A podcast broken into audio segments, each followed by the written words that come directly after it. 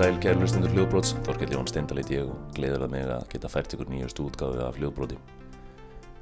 Nú, í dag ætlum við að heyra í honum Má Gunnarsinni, sem er nú heldur betur búin að gera það gott þessa dagana, hvert sundmetið á fætur öðrum hefur fallið. Hún er búin að gefa út plötu og stefnir á það að halda tónleika núna í mars og við fáum að heyra hvernig hefur gengið honum þessa dagana. Nú ætlum líka að fá að heyra frá honum Kristni, framkvæmdastjóra. Hann ætlar að fræða okkur um réttinaráðstefnu sem að verður haldinn hér í sumar í hörpunni. Við ætlum líka að fá að e, njóta þess að hlusta á hljóðmyndir sem að Gísli Helgason hefur sendt okkur frá ferðum sínum. Og síðast en ekki síst að þá kemur Ástkjær formaður voru og lýsir fyrir okkur hluta færi að ferð sem blindrafélagi fór í nótuðunum. En annars vona ég að allir finni eitthvað við sitt hæfi. Njótið vel.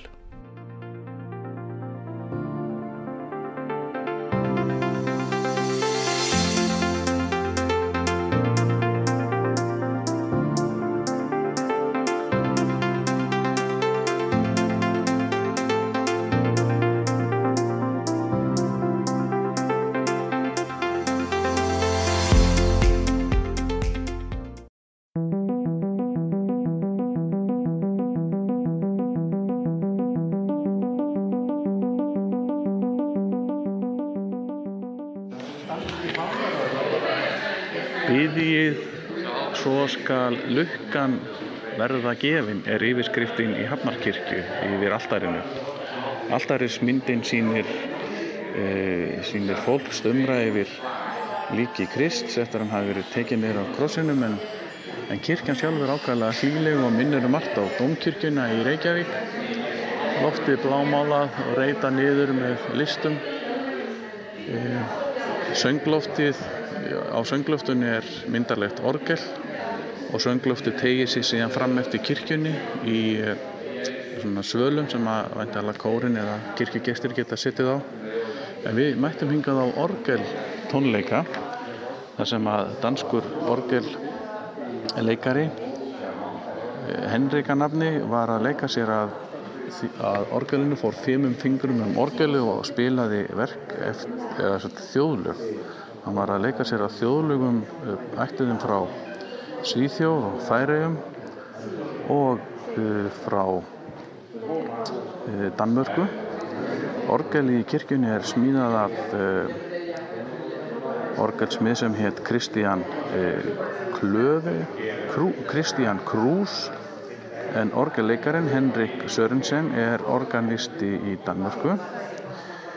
Kirkjan er, eins og ég segja, minnir um allt á sýstur sína í Reykjavík, Dómkirkjuna. Þetta er Dómkirkja Færeyinga. Eh, ofan úr loftunum hanga eh, ljósakrónu og millir þeirra eru, eru bátalíkneski. Næst alltarennu er, er líkan af fiskikúter eins og við þekkjum sem kúter Harald. Þarnest er líkan af stóru köpskipi frá miðöldum en síðan næst orgelinu er hanginu líkan af færiskum fiskibát, típiskum færiskum fiskibát. En við hlítum hér á Henrik spila þessi færisku, færisku, dansku og sænsku þjóðlög og, og það var mjög gaman að hæra það.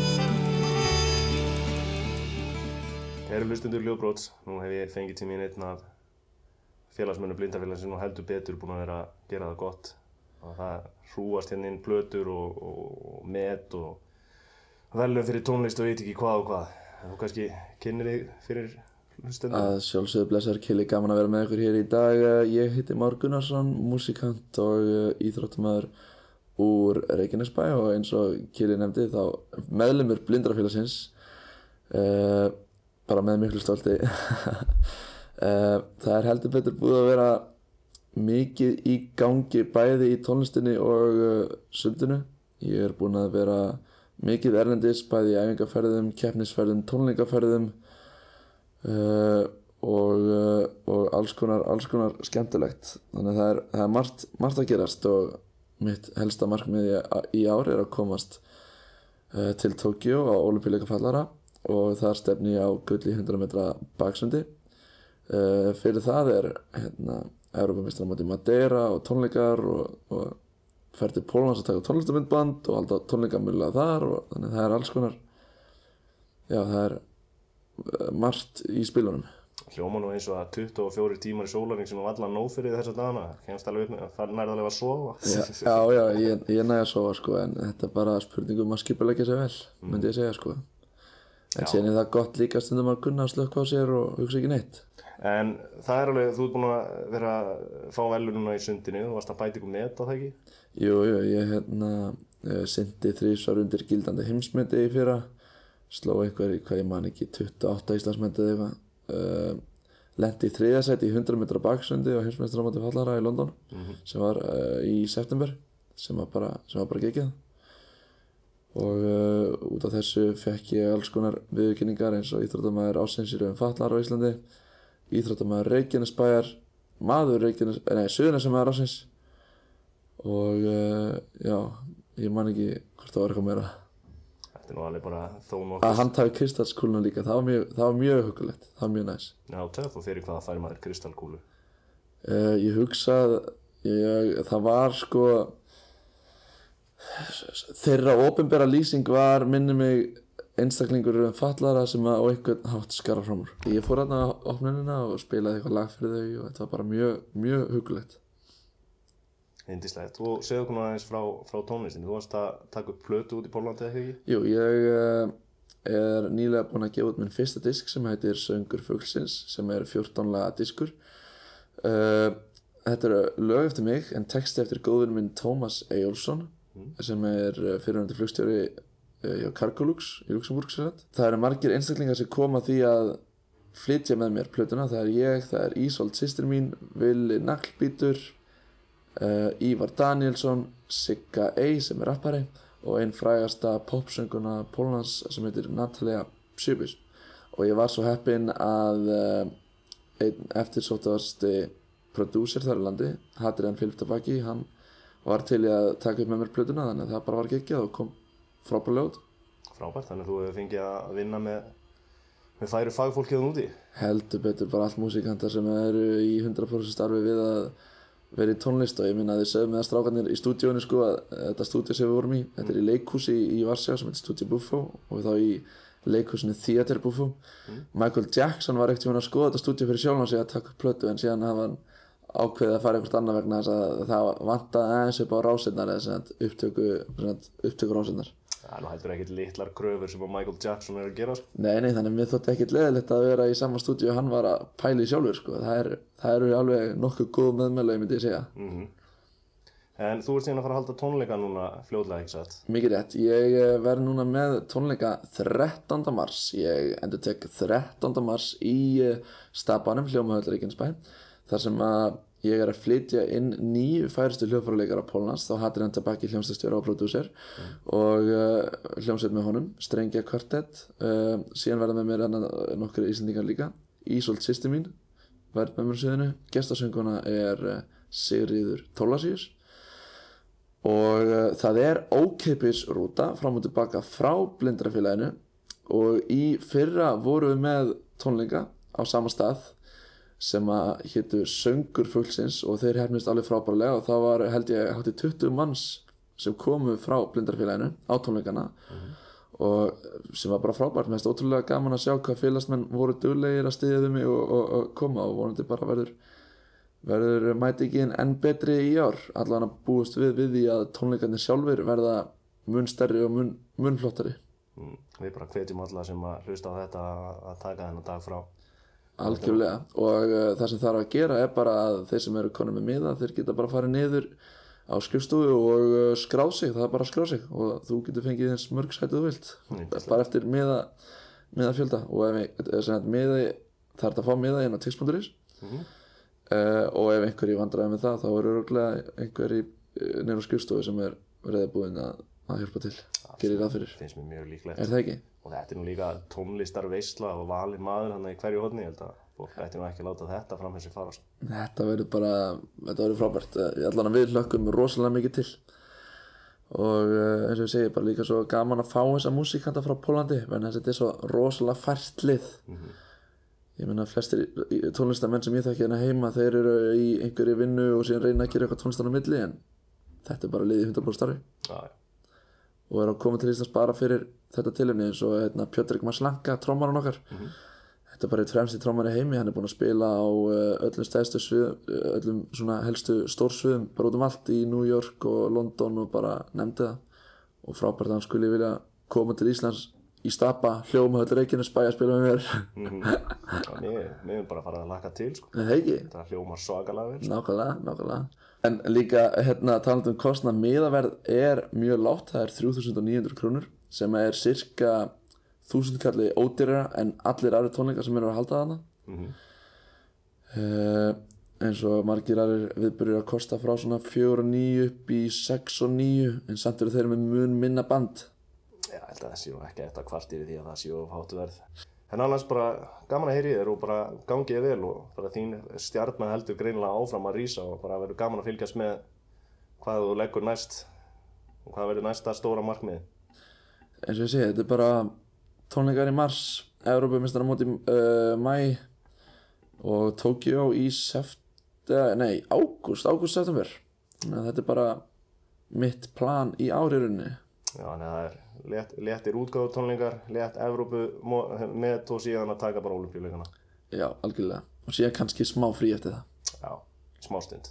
smá stund, bara aðeins en enn og eftir bara gaman að vera með þér hér í dag Kili og kæru hlustundur hljóðbrots ég uh, hlakka mikið til tónleikana og hlakka til sjá okkur Já, og við hvetjum alla til þess að, mæta og, og, styðja kappan.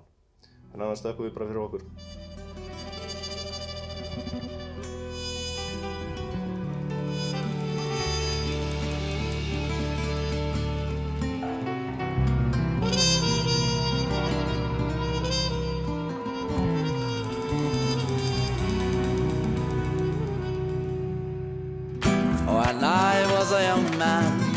I went away from home.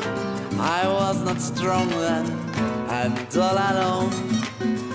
But now I'm older, and I'm back at home. I remember I told her when I left alone. But I need to be, need to fly up in the sky. I want to get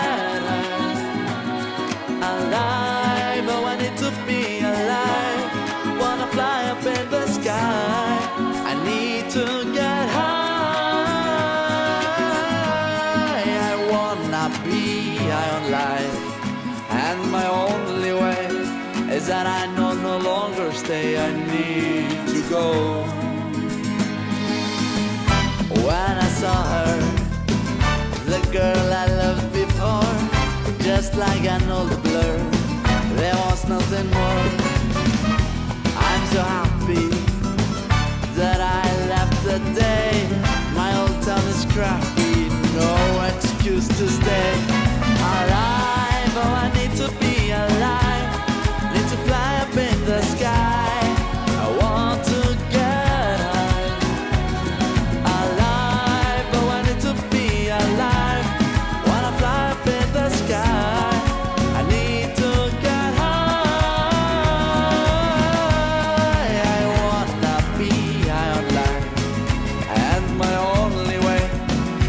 line on the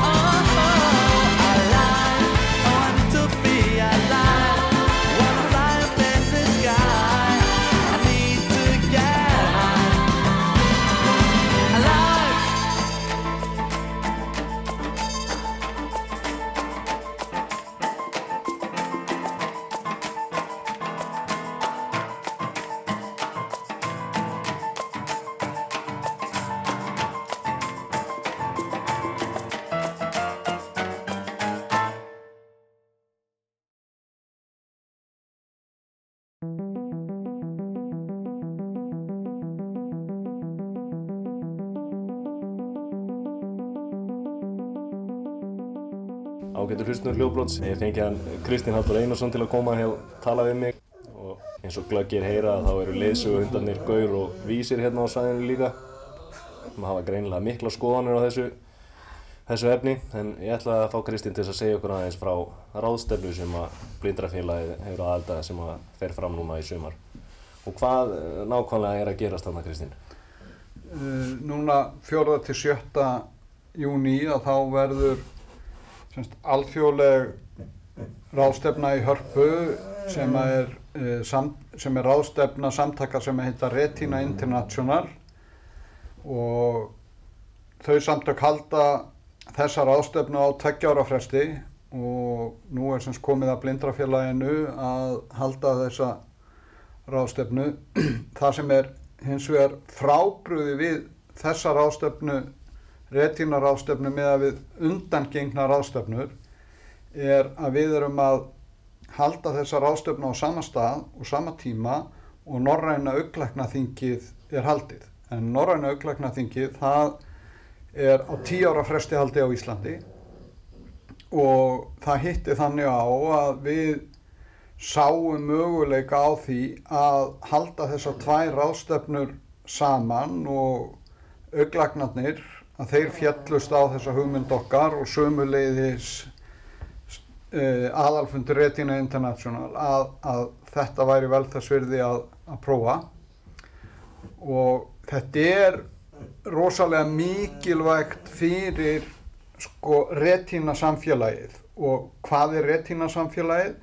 Jú, retina samfélagið eru þessi retina international samtök og öll aðildarfélug þeirra sem eru koma sko allstaðar að úr heiminum Suður Afríku, Síle, Brasilíu, Nýjasjáland, Ástralía, Kína, Hong Kong, öll Norðurlöndin, Bretland, Bandaríkin, Kanada. Og þetta eru yfir 40 aðildarfélög sem að eiga sem að eru aðildarfélög að, að Retina International. Og hlutverk þessara samtaka er að hvetja og styðja við rannsóknir uh, til þess að finna meðferðir við argengum hrörnunasjúkdómum í sjónhimnu. Þessi sjúkdómar eru eins og til dæmis bara RP sem er uh, kannski velþektur, AMD eða ellir hörnun í aukbótnum, svo kallar þurra hörnunin, uh, Stargardt, uh, LCA eða Lebes Congenital Amaurosis og Usher syndrom og ef við horfum á og mátum retína samfélagið sem slíkt inn í blindrafélagið að þá eru þeir sjúkdómar sem að retína er að berjast fyrir og stöðlað rannsóknum á þeir kannski uh, eru, eru valdir af 80% tilfella blindu eða sjónskerningar hjá félagsmennu blindrafélags. Þannig að þetta er, þetta er næstum því allt félagi sem að sem að er þarna undir og hérna og mjög margir uh, hafa þá sögu að segja af þessum hörnunarsjúkdómum sem að mjög oft er, er, eru bara þannig að, að fólk verður vart við á í æsku síðan ganga er mísjaflega hratt fram. Það eru fjöldamargar sögur sagðar af því þegar að einhverjir þegar maður er ungur og ég hef svo sem þess að sömu, sögu að segja veit að það er orðið eitthvað aðdöfvert í sjónuna hjá mér átta mig ekki alveg á því, fer til auklæknis og fer svo út með þau skilabóða að sé ekkert, ekkert að.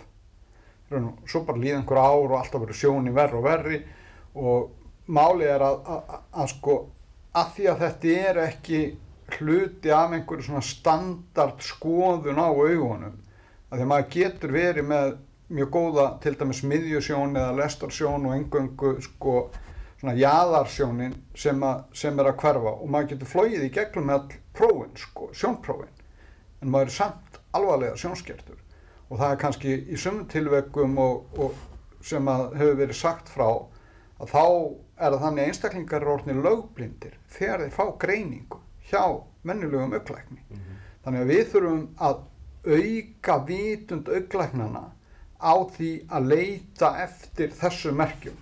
Og það, það er að segja hvaða er sem að veldur þessar sjónskenningu ég get nú bara sagt hlustandi frá því að það reyndist mér til haps þegar ég fæ mína greiningu á sínum tíma, ég greindist mjög ungur, að það vildi svo heppilega til að auglæknirinn sem ég fór til hafði verið á einhvers konar ráðstefnu og hafði fengið kynningu á þessum enginum sem að fylgja RP-sjúkdónum sem, að- sem að ég er með. Þannig að ef ekki hefði verið fyrir þessa fræðslu þá er vel hugsanlegt að það, ég hefði gengið ansi mörg herrans árin án þess að fá greiningu. Þannig að þarna sjáum við bara hversu miklu máli það skiptir að upplýsa auglækna samfélagið og þá er náttúrulega mikill akkur í því að geta tvinna þessar tvær ráðstefnur saman. Algjörlega og, og, og, og það sem að ykkur enn, enn frekar á mikilvægi þess að við náum að vekja aðtiklu auklæknana á þessum hérna sjúkdómum þannig að þeir nái að greina í raun og veru sem allra allra fyrst mjög snemma þegar, þegar að þessi sjúkdómar fara að láta, láta bera á sér eða bæra á sér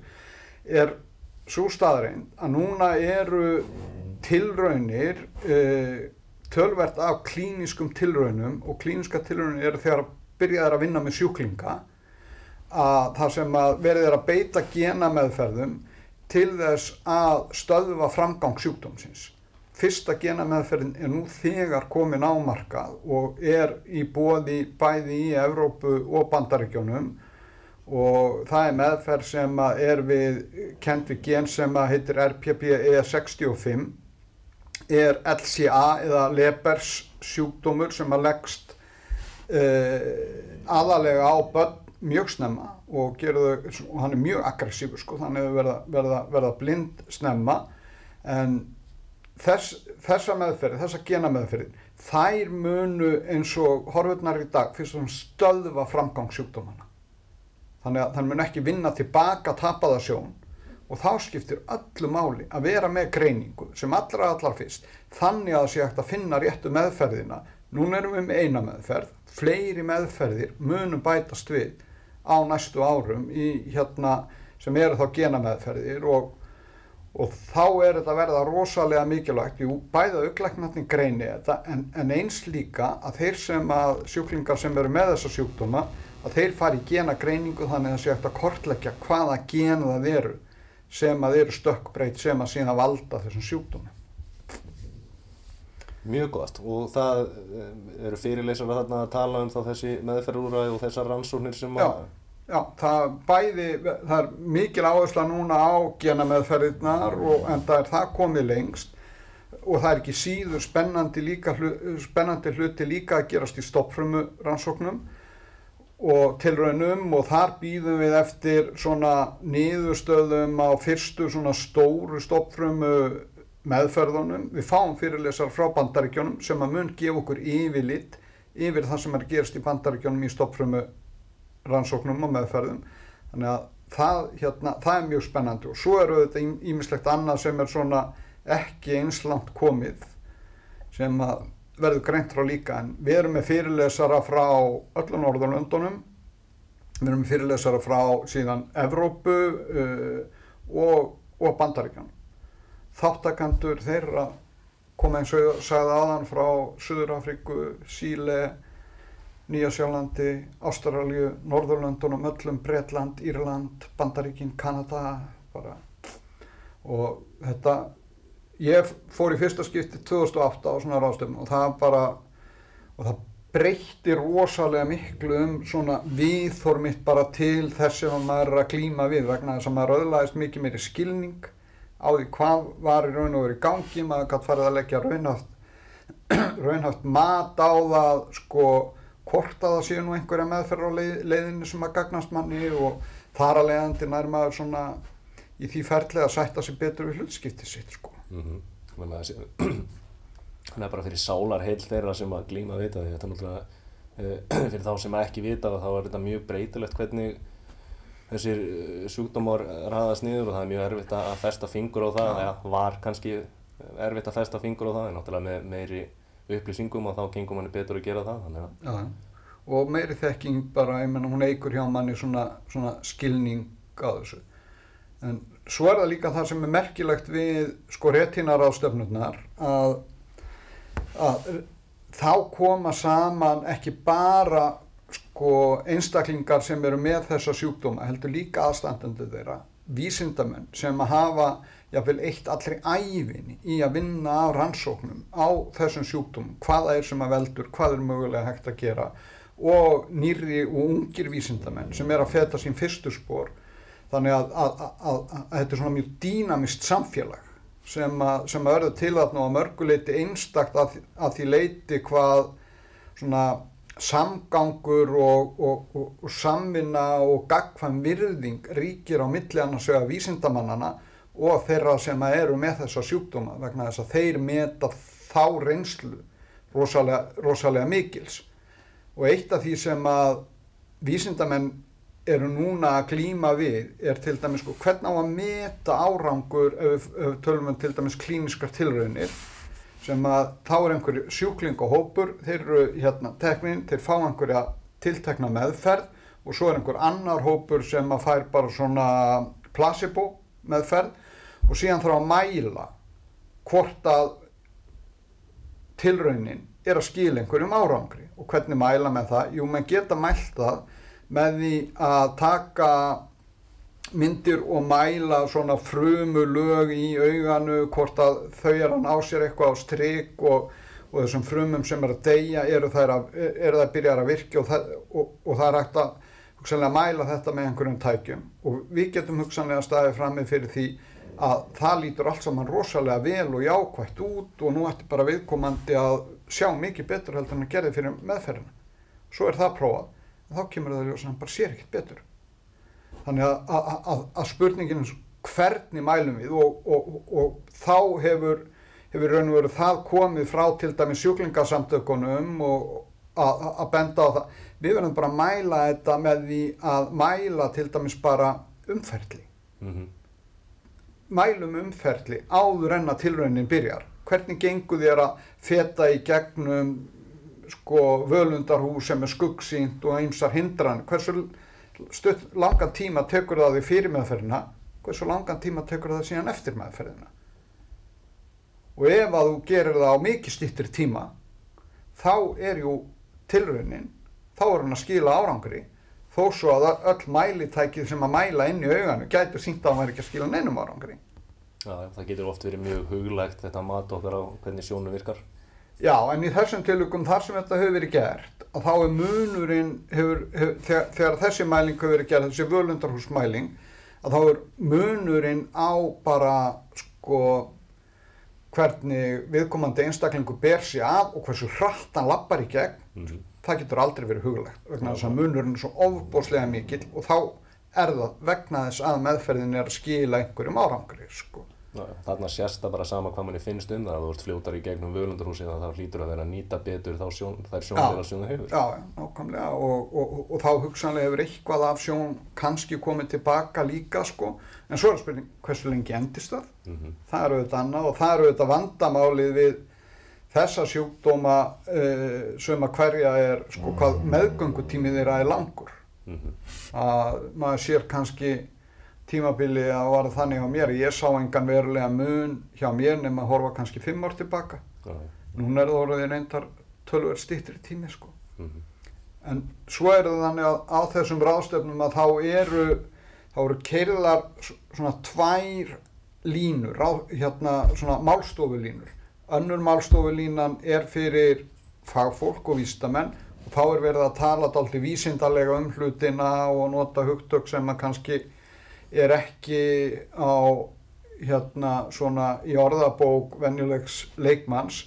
En, og þess vegna að þá keirum við líka svo kallaða leikmannslínu þar sem að vísindamennir koma og tala og setja hlutina fram uh, á mun einfaldari hátteldur en þeir gera þeir eru að tala við kollega sína, vístamenna og það gefur okkur bara svo gott færi á að sko diffka skilning okkar á því hvað er virkilega verið að vinna í hverju, hvar liggja hindranirnar og, og þar fram til göttunum þannig að, að þó svo að þannig ég held sko, fólk þarf ekki óttast það að skilji ekki nokkur skapaðan hlut með því að mæta á ráðstöfna vegna þess að það mál verða borin þannig fram að það verður hérna á einfaldan máta þannig að það verður auðvelt að fyrir flest allar skilja þetta auðvitað að því gefnu að menn hafa einhvern skilning í ennsku en ráðstöfnum fyrir auðvitað fyrir fram á ennsku Þannig að þetta hendar aðstandendum.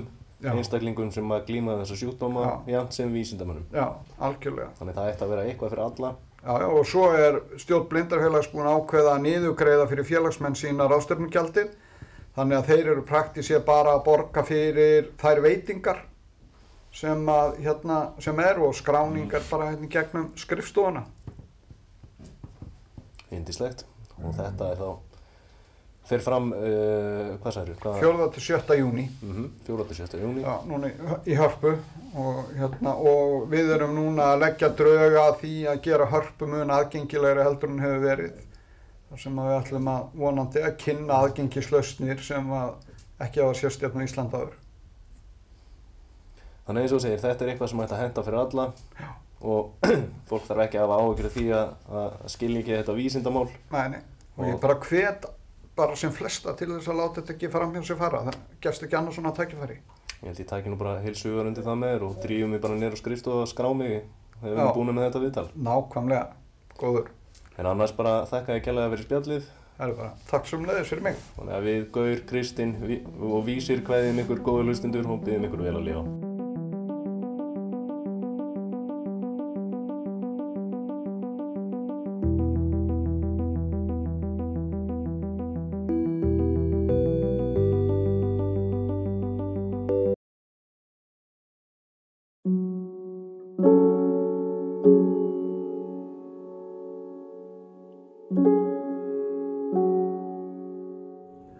Komið sælblessu, þetta er Gísli Helgason og mér langar áskökur gleðilega sás og takk fyrir liðnahórin.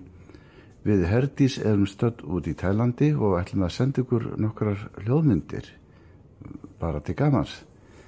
Ef við erum með stereo hérna tól þá er sumt að þessu tekið upp í stereo þannig að umhverfis hljóðin njóta sín og við erum búin að hafa afskaplega gott hérna á Phuket eigu þetta er bara einhvert flottasta dæmi sem við höfum upplifað að fara hingað í bara í frí og ströndin hérna er stór skemmtileg það er þetta vaðadaldi langt út og við höfum notað tækifærið og í dag 10. hérna janúar þá vorum við þrísarsinnum í sjónum og gerðum sund leikvimi æfingar ala trimklúpsins Eddu, Óla Þors Margreta Sigurðardóttur hennar Báru frænguminnar og fleiri og fleiri fólks. Og það var alveg æðislegt að gera hérna sundæfingar í í sjónum. Við svo var, var daldið erfitt að halda hjá næn, það var enga stengur engi bætti til að halda sér í. Og við gáttum sint allarleið út að eh, hindrun eða bandi þar sem fyrir utan lóna stjæmtifæristip og það verður að segja tælendingum þetta er hrós að þeir eru afskaplega umhverfis sinna er að margan hátt en við skulum fletta hljóðmyndunum og vita hvað kemur í eirun á okkur Það er komin 8. januar. Í dag fórum við í svona fíla elli heimili eða, eða hvernig við Fíla hælsubæli. Og í þessum eh, garði sem er ekki að hjálpar samtökum eru um 100 fílar en eh, nýju fílar eru mjög mannelstir og þá erum við búin að skoða og þar meðal var einn sjónstjert dama sem er fætt hvað 1995 er þrjú eða fimm. Allan sér ekki með stí á augum katarakta eða kallað þannig að við erum líklega með svipaðan sjúdóm ég og fíladaman Sherry heitir hún. Og við tókum fullt af myndum af okkur með henni og, og fleiri fílum. Nú svo elsta sem við vitum um í garðinum er 75 ára. Og það er þessi fílar þeir eru frá 2,5 tonni upp í 4-5 tonn að þyngd. Uh, og þeir uh, borða óbáslega mikið. Þeir eru síetandi því að þeir fá hérna, borða gras eða gras. Þeim þykja ósköp góðan melónur og bananar. Og þannig að við fengum öll uh, fötur fullar af fílamat til að gefa þeim. En eftir 45 mínútur þá uh, kúka eða skýta fílarnir öllu sem þeir hafa getið þannig að þetta gengur mjög hratt í, í gegn. Og hérna skýturinn úr fílunum er notað til að búa til pappír. Þeir taka þannig að þeir taka 90% skít og 10% börk af ákveðnu tré, mauka þetta saman í vatni, uh, hella þessu mauki ofan í ferkanta sikti sem er líka á kafi vatni, hrista sikti til til að jafnist út, svona þund laga þessu í siktið, taka sikti upp úr vatninu og setja það í þurrk í sólinni í sólarhing. Það átti að koma eitt spjald af svona A4-blaði nema það er þykkar og miklu flottara heldur en það sem kaupir út í Eimurssson.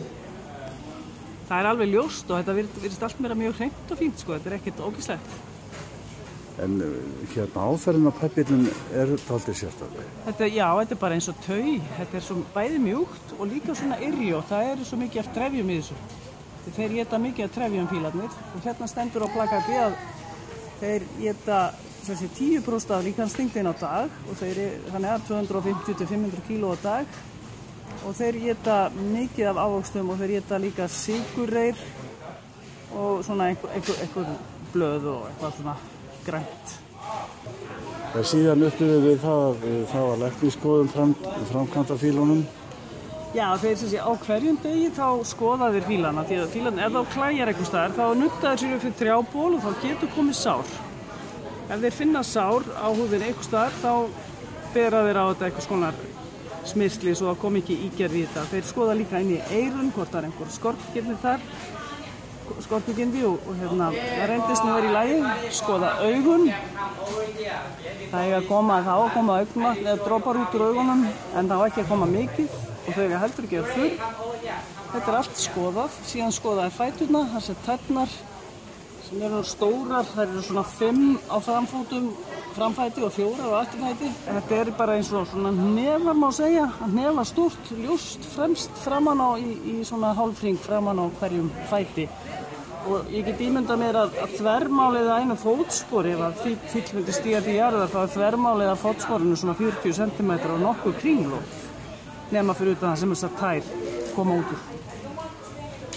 og síðan uh, fengum við að uh, hérna, strúka fílunum. Og það er aldrei sérstætt að koma við uh, fíluna og klappa því vegna þess að, að skinnið á þeim þetta er svona eins og trjábörgur en óskaplega mjúkur.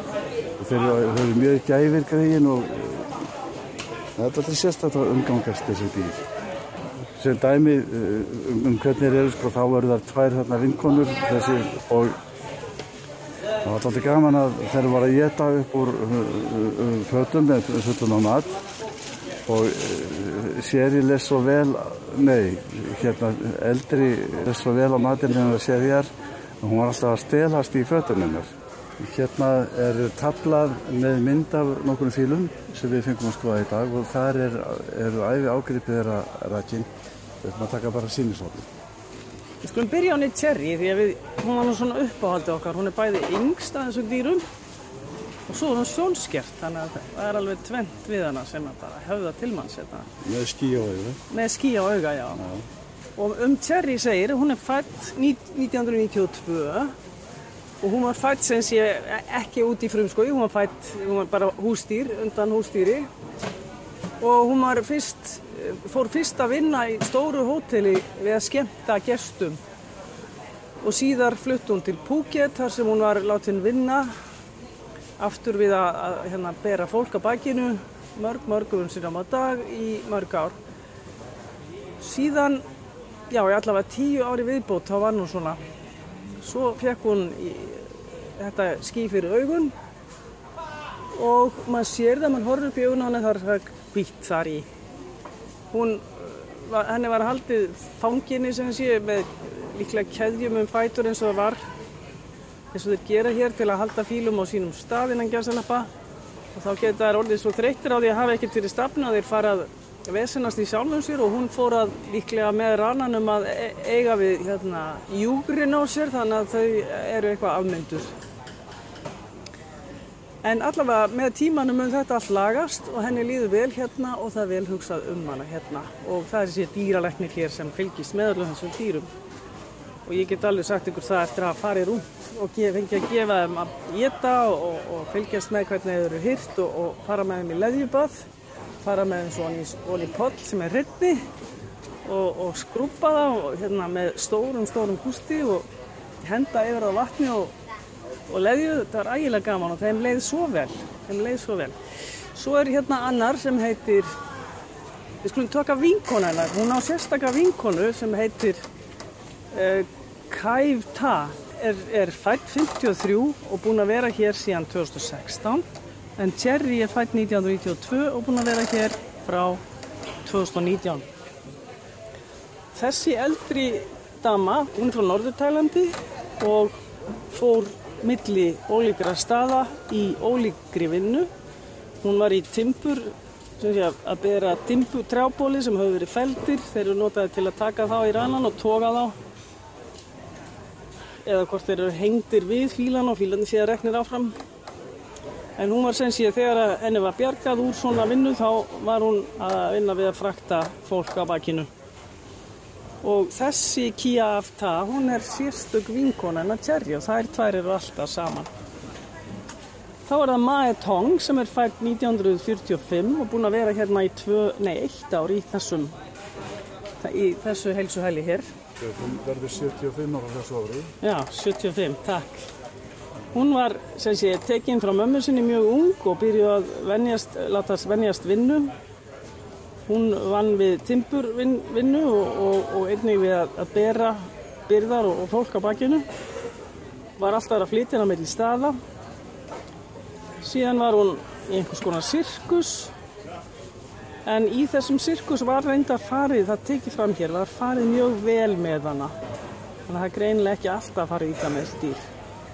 Hún var hérna sjö ár þangað til þeir höfðu ekki lengur ráð á að halda hana eða gefa hana að geta og, og ha- hafa hana.